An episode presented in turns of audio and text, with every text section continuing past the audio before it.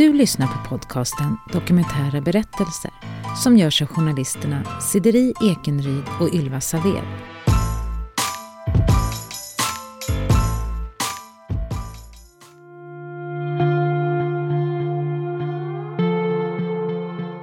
Anorexi är fortfarande den, eh, den dödligaste sjukdomen av alla psykiska sjukdomar. I Sverige lider cirka 100 000 människor av ätstörningar och sjukdomen drabbar allt yngre barn. I det här avsnittet hör vi Amelies berättelse.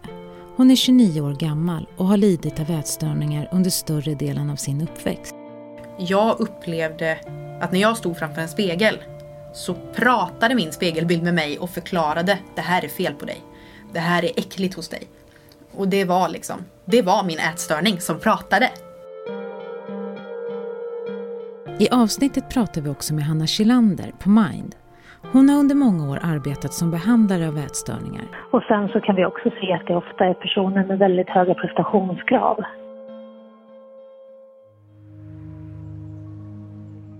I samband med föräldrarnas skilsmässa tar ätstörningarna fart. Hon börjar må fysiskt dåligt av att äta. Till exempel så kan hon inte behålla frukosten. Jag kommer inte ens ihåg om det var i skolan som det mättes eller om jag bara gjorde det hemma själv. Men då i alla fall så fick jag upp ögonen för att mitt BMI var för högt. Eh, och, och jag trodde inte, tror jag, att jag tog det så hårt. Men jag har ju insett nu i efterhand att det gjorde jag. Eh, mycket hårdare än vad jag trodde. Eh, mina föräldrar eh, gick isär eh, väldigt dramatiskt i, i samband med att jag fyllde 11. Så väldigt länge så jag slutade fira födelsedagar väldigt länge. För att jag kopplade det så starkt dit. Och det var en väldigt traumatisk upplevelse både för dem men också för mig och mina tre systrar. Och nu, det här är ju min version av vad som hände och det, de har säkert vitt skilda versioner. Men Eh, men min mamma hon liksom försvann. Hon, hon flyttade och ja, vi hörde inte av henne på jättelänge. Vi visste inte var hon var, vi visste inte vad hon gjorde. Eh, jag blev någon slags extra mamma till mina yngre syskon, framförallt den yngsta. Hon var två, tre då liksom. Så det var en väldigt konstig familjesituation. Eh, jag drabbades av någon sån här stora syster tankar om att jo men nu nu måste jag hjälpa till mycket mer. Jag får gå och hämta och lämna på dagis. Och min pappa blev djupt deprimerad. Eh, jag såg till att det alltid sov ett barn i hans säng för att han inte skulle ta för många sömntabletter när han gick och la sig. Vid 12 års ålder är hon ordentligt sjuk. Och sen ja, men till skolan och göra mitt bästa för att vara perfekt i skolan samtidigt som jag skulle vara tyst och inte märkas. Eh, hålla mig undan under lunchen. Gärna gå ut och gå under hela tiden liksom, så jag rörde på mig. Eh, och ja, tillbaka och göra det bästa igen. eh, och sen så gjorde jag väldigt, väldigt mycket för att inte behöva vara hemma.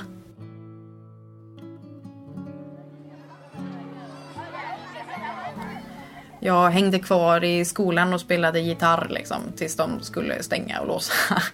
och då kom jag hem och sa att Nej, men jag har ätit med mina kompisar och så eh, jag ska gå ner och göra läxor nu och stängde in mig på mitt rum och så satt jag där och i bästa fall gjorde läxor. Oftast så var det snarare självskador eh, då. Eh, och sen så sov jag i princip ingenting. Jag, jag men sov jag men korta, korta, men 20 minuter här, en halvtimme där på nätterna. Liksom. Men jag sov oerhört lite. Mm. Och så runt, runt, runt. Vi undrar hur anorexia kan yttra sig. Hanna Kilander på Mind, som arbetar som behandlare av ätstörningar. Det kan ju skilja sig lite grann åt från person till person. Så där. Anorexi är en väldigt, ätstörningar överlag är en sjukdom som, ja, som kan yttra sig lite olika för, för olika personer. Men, och lite olika också beroende på vilken ålder man är när det bryter ut. Men det som man ändå kan säga är gemensamt är väl att eh, till att börja med att kanske ser en personlighetsförändring att den som man känner så väl plötsligt verkar vara lite annorlunda. Kanske inte skrattar lika ofta, kanske drar sig undan mer. Um, och uh, när det kommer då till, till mat och den biten så kan det vara mer att, att eh, man har redan ätit hemma hos en kompis eller man kommer med ganska mycket sådär undanflykter kring, kring eh, ätandet. Um, det är lite sådana generella saker man kan se också, att man är lätt irriterad. Ja, kanske jag sa, skrattar inte lika mycket, verkar mer inbunden. Framförallt så hade jag förlorat väldigt, väldigt mycket i vikt. Eh, och jag hade väldigt ofta väldigt mycket vätskebrist. Och det var väl säkert obalans i mineraler och sånt i kroppen också. Så det, det var inte ovanligt att jag tuppade av i skolan och sådär. Jag var, jag var inne hos eh, skolsyster flera gånger i veckan. Liksom. Eh, och jag, någonstans i krokarna där så började jag få panikångest. Eh, jag hade haft det tidigare också. Eh, jag hade det första gången när jag var 5-6 år gammal. Men där i krokarna så började jag få det åtminstone ett par gånger i veckan. Eh, och omgivningen fattade inte riktigt vad det var och visste inte riktigt hur de skulle reagera eller hantera det. Inte heller, de bar liksom in mig till skolsköterskan. Men hon visste inte heller vad hon skulle göra utan det var så här, ja vi, vi har vilosängen här liksom.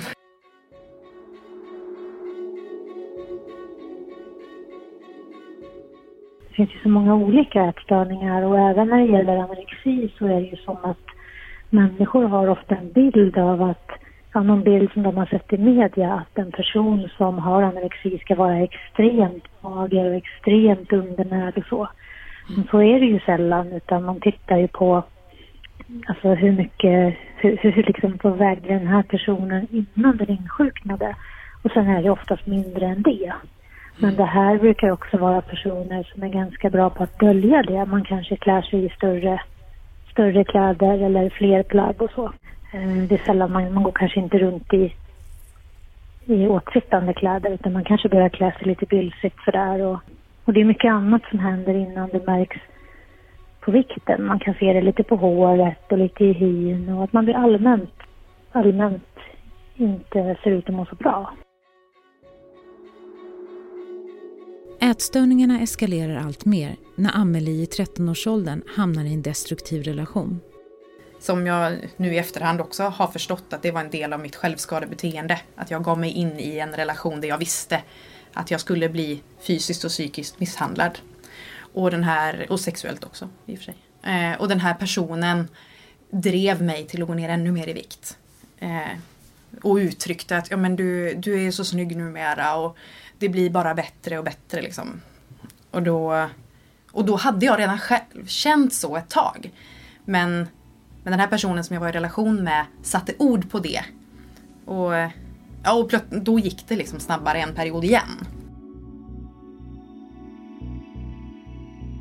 Finns det några faktorer som gör att vissa personer löper större risk att insjukna? Hanna Kjellander igen. Det är också så att Eh, eh, man brukar säga att det finns lika många orsaker till att en ätstörning bryter ut som det finns personer som har ätstörningar att just att det är så otroligt individuellt. Men eh, man forskar ju en hel del på det här och man har ju ändå klarat av att se en del mönster. Och det som man kan se, det har ju relativt nyligen har en ny, ja, en väldigt stor världsomfattande forskning visat upp resultat att eh, ätstörningar är mer genetiskt än vad man kanske har trott tidigare.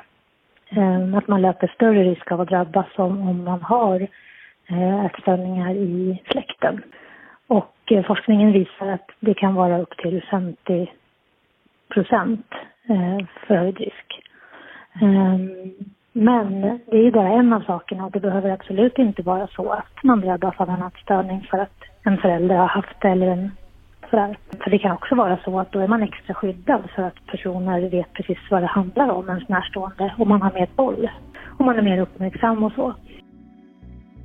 Jag bodde hemma hos min pappa eh, när jag började, men började kräkas på morgnarna. Hennes pappa börjar förstå vad som pågår. Så det märkte ju han liksom verkligen på en gång när det hände. Eh, men jag tror inte att han förstod riktigt vad det var då. Men sen eh, successivt, eftersom han redan hade fått upp ögonen för det, så märkte han, ja men åtminstone efter något år, liksom, att det faktiskt hade gått ganska långt. Och att det inte var så bra. Men hans på något sätt eh, första reaktion, som sen var den som satte sig hos mig och som jag bemötte honom utifrån, var att bli liksom väldigt, ja men, jag upplevde att han var arg. Och tyckte att vad gör du din idiot liksom. Jag förstår ju nu, framförallt när jag själv var barn, att det var ju någon slags chockreaktion. Det är klart att han inte tyckte jag var dum i huvudet, men vad skulle han göra? Liksom. Eh, men det var den det var den bilden jag hade av att det är det här vuxna tror och tänker om mig. Då ska jag visa för dem att det här är jag fruktansvärt bra på. Jag kan vara perfekt i många avseenden. Jag kan få högst betyg på proven och jag kan gå ner mest i vikt. Vänta bara. Men annars så kan man väl säga också att um, um, personer som drabbas av ätstörningar de har i regel alltid väldigt, väldigt låg självkänsla och väldigt låg, lågt självförtroende. Har svårt att tro på sig själv och har lätt att när någonting blir eh, knasigt så har man lätt att skylla det på sig själv. Och sen så kan vi också se att det ofta är personer med väldigt höga prestationskrav inom, inom skola och inom idrott. Och det är högpresterande personer helt enkelt. Dåliga vibrationer är att skära av sig tummen i köket. Ja! Bra vibrationer är att du har en tumme till och kan scrolla vidare. Alla abonnemang för 20 kronor i månaden i fyra månader. Vimla! Mobiloperatören med bra vibrationer.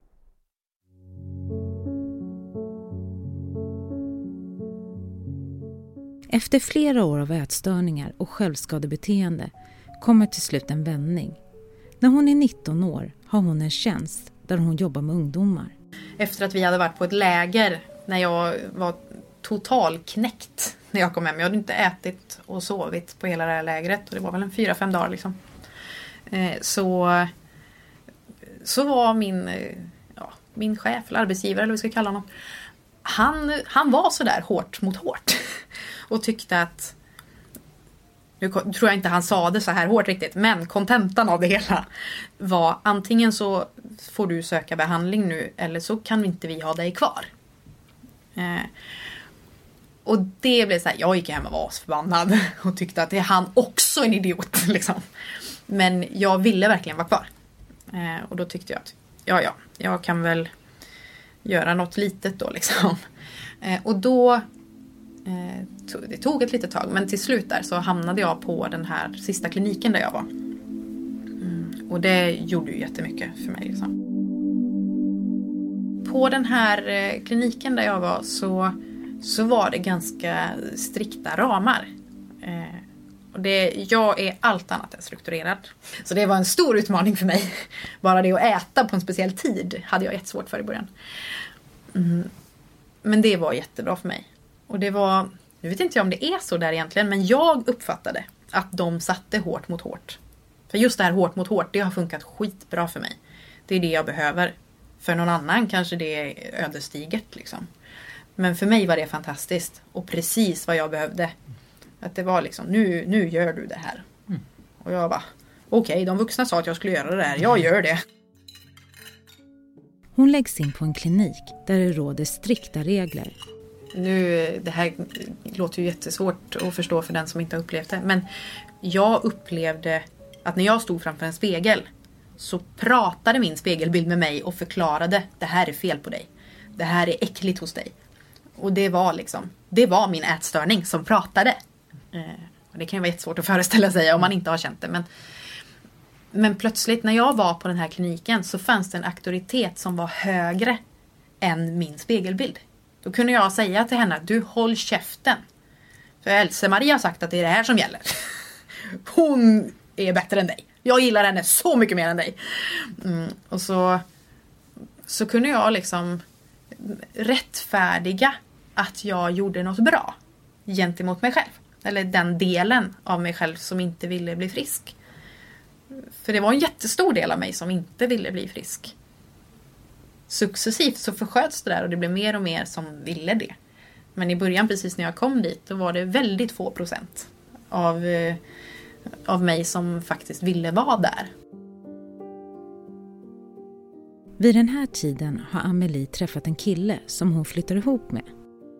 Eh, så han, och vi hade känt varandra ungefär ett år innan dess också. Och han, eh, han har kastats in som anhörig. Eh, och under perioder så har han fått vara min vårdare snarare än min partner. Och det önskar jag ingen. Så det tror jag är helt fruktansvärt. När hon är 20 år så skrivs hon ut från den sista kliniken. Men hon blir då gravid. Plötsligt så när jag hade fått det där plusset på stickan då bara det slog tvär om.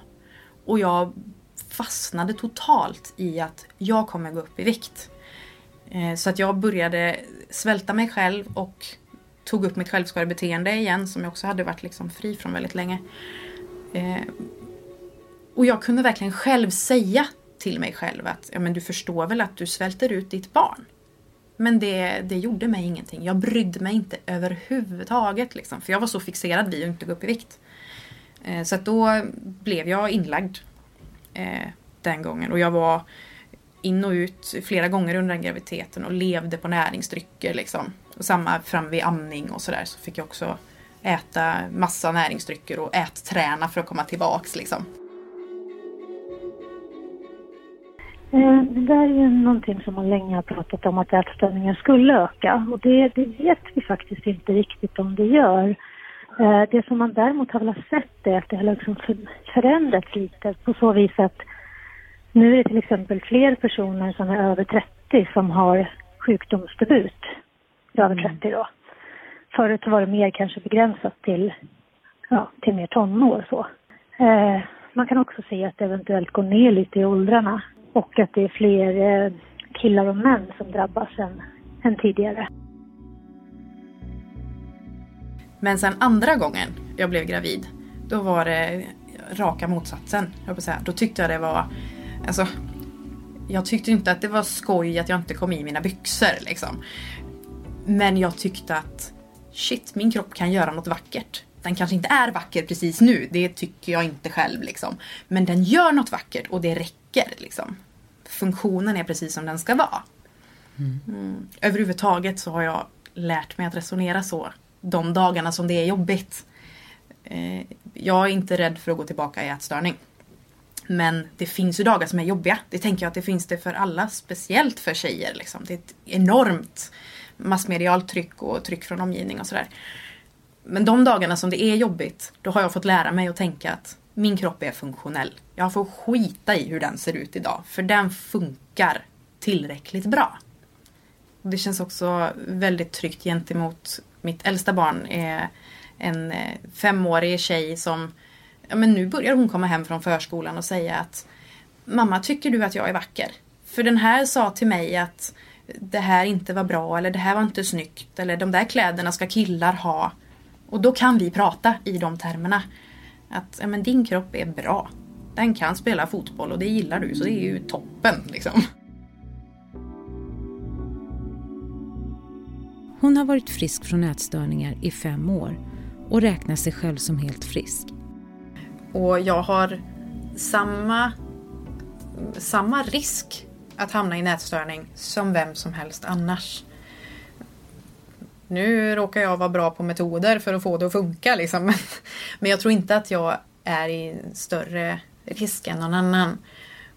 Och på samma sätt som vem som helst kan känna att shit nu åt jag för mycket godis eller jag måste börja springa.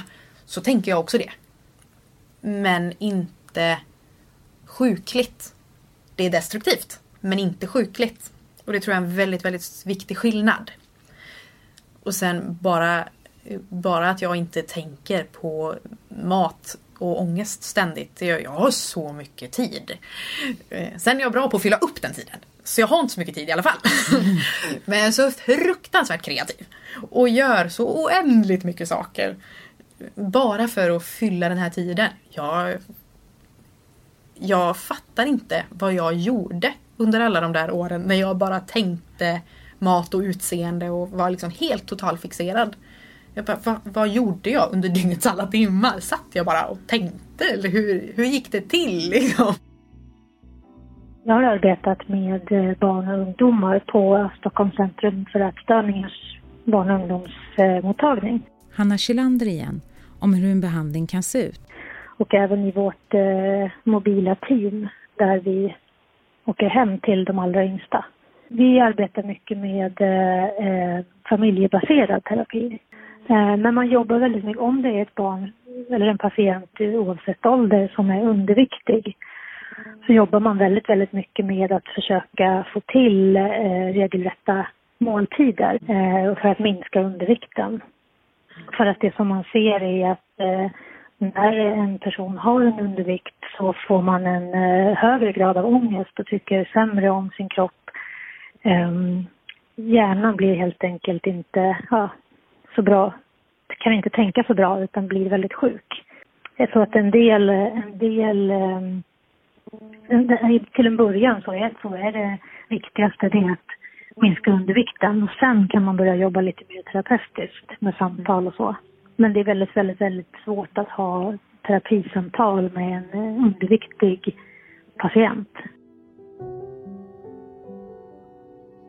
Om du lider av en ätstörning kan du kontakta Riksföreningen mot ätstörningar, Frisk och Fri. Där finns en stödlinje man kan ringa anonymt. Om det är någon nu som lyssnar på det här och i sin närhet misstänker att någon lider av ätstörningar, vad är tipsen tycker du man ska ge till en person som vill hjälpa till? Det första och jag tror också viktigaste, som jag alltid säger, är att ser du någonting så fråga. Det är bättre att fråga och mötas av ilska eller vad det nu kan vara än att inte säga något. För säger vi ingenting så fattar ju inte personen i fråga ens att vi bryr oss. Liksom. Och det kan vara, jag fattar att det är svinjobbigt att ta det första steget. Speciellt om det är någon som man verkligen bryr sig om innerligt. Mm, för att det är inte konstigt. Eh, det räcker att jag säger till mig själv. Jag blev asförbannad. När någon frågade mig. Eller ens hintade om att någonting skulle vara fel eller dåligt. Liksom. Och jag misstänker att det finns personer i min omgivning som verkligen har försökt nå ut till mig och försökt prata med mig. Där jag har reagerat med att vara arg och taskig, riktigt elak vissa gånger. Där vi inte har någon kontakt efteråt. Det kanske är den enda bilden de har av mig. Och då skulle jag önska, och jag hoppas att man kan ta till sig att även ifall man möts av det här totalt stängda så sår man ändå ett frö. Redan i första frågan så har den personen som mår dåligt blivit sedd. Och det tänker jag gör hela skillnaden. Även om vi sen aldrig får se vad det blir av det. Liksom. Är det något annat du hade önskat att någon hade gjort eller sett oavsett om det var skola eller hemma eller vänner? Jag hade önskat, eh, framförallt eftersom jag var så fruktansvärt liten när det började, att de vuxna hade vågat sätta hårt mot hårt. Och verkligen var så här, vi ser det här, vad är det som händer? Eller när socialtjänsten kom hem till oss och jag inte ville säga så mycket, att de ändå hade stått och knackat på dörren igen. Eller i det här samtalet med BUP att de hade försökt trycka lite eller var så här okej, okay, då får dina föräldrar gå ut och så pratar vi med dig för nu ska vi nu ska vi höra vad du säger. För att jag upplever och upplevde redan då att de vuxna var rädda för mig. Speciellt de vuxna som ja men, kanske, kanske rent av såg spåren av en självskada. Där kunde jag se skräck i ögonen liksom. Och det, jag kräver inte att man inte ska bli rädd. Det är inte det jag säger. Men att de vuxna då kunde stå kvar. För vad gjorde det med dig och i dina känslor när du märkte att de blev rädda? Jag slutade lita på vuxna fullständigt. Och det var ju också en del i att jag ville inte söka hjälp. För det var ju de vuxna som skulle ge hjälpen. Och jag ville inte ha med dem att göra. För de var ju idioter. Liksom. De fattar ju ingenting. Och inte bara i tonårstrots utan jag, jag levde i det och kände det så innerligt. Vad tror du att samhället kan göra för att människor ska inte hamna i ätstörningsbeteenden? Jag tror att ett väldigt viktigt steg är att ja men för den som ligger i riskzonen att fånga upp tidigt. Så att man inte behöver hamna när det börjar bli riktigt svårt och jobbigt. Kan vi fånga upp tidigt så tror jag det gör jättemycket. Eh, det är lättare att behandla och det, det går fortare att behandla. Men sen tänker jag att på ren större samhällsnivå att hade det funnits eh, en annan form av reklam och massmedia och sätt att prata om vikt och kost och träning och alltihopa. Jag tror att det hade gjort jättemycket. Om man flyttade fokuset från gör så här för att gå ner i vikt. Så hade man kunnat prata om gör så här för att känna att din rygg orkar. Liksom. Vi, vi kan lika gärna prata om samma artikel men man kan hålla olika fokus på den. Och så jag sa min dotter hon kommer hem från eh, förskolan och har helt uppenbart pratat om utseende på förskolan. Liksom. Jag har inget emot att hon leker med Barbie-dockor fast de ser vansinniga, ut. Liksom. Men jag tycker att det är väldigt viktigt att då som en motpol prata med henne utifrån kroppens funktion. Redan små barn funderar på Borde jag äta så här mycket? Eller ska jag verkligen göra det här och det här? Liksom? Och där tror jag att ja, men vi som vuxna har ett jätte, jätteansvar för att jag tror att det går att minska de här siffrorna. Jag tror det helhjärtat. Och jag tror att väldigt mycket kan vi som vuxna som möter barn göra. Det kan vara Alltså skolvärlden är ju en bra arena men i, i min världsbild så ligger det som ansvar hos varje vuxen. Det ligger i massmedia, det ligger i den som gör barnprogrammen, det ligger i mig som mamma, i min granne. Det som jag kanske tycker är viktigt att nämna det är väl just att eh, många personer tror att en ätstörning är synonymt med anorexi och därmed synonymt med kraftig undervikt. Eh, men så är inte fallet utan de allra flesta som har en ätstörning är normalviktiga eller till och med lite överviktiga. Eh, och att anorexi är ändå den diagnosen som, som vi ser minst av. Men tittar man på barnen, där är den vanligast. Men går man upp i åldrarna lite mer till tonår och äldre, då är det andra ätstörningsdiagnoser som, som eh, är mycket, mycket vanligare. Och att man också tänker på att det faktiskt även är killar och män som drabbas och att det inte så att säga bara är en tjejsjukdom.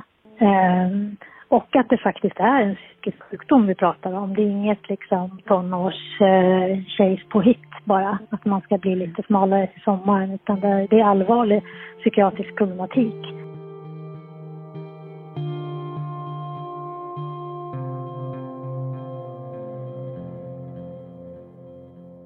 Du har lyssnat på avsnittet om anorexia.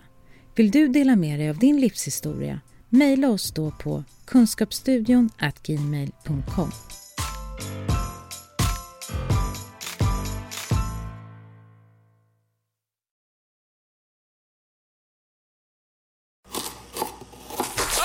Dåliga vibrationer är att skära av sig tummen i köket. Ja! Bra vibrationer är att du har en tumme till och kan scrolla vidare. Få bra vibrationer med Vimla. Mobiloperatören med Sveriges nöjdaste kunder enligt SKI.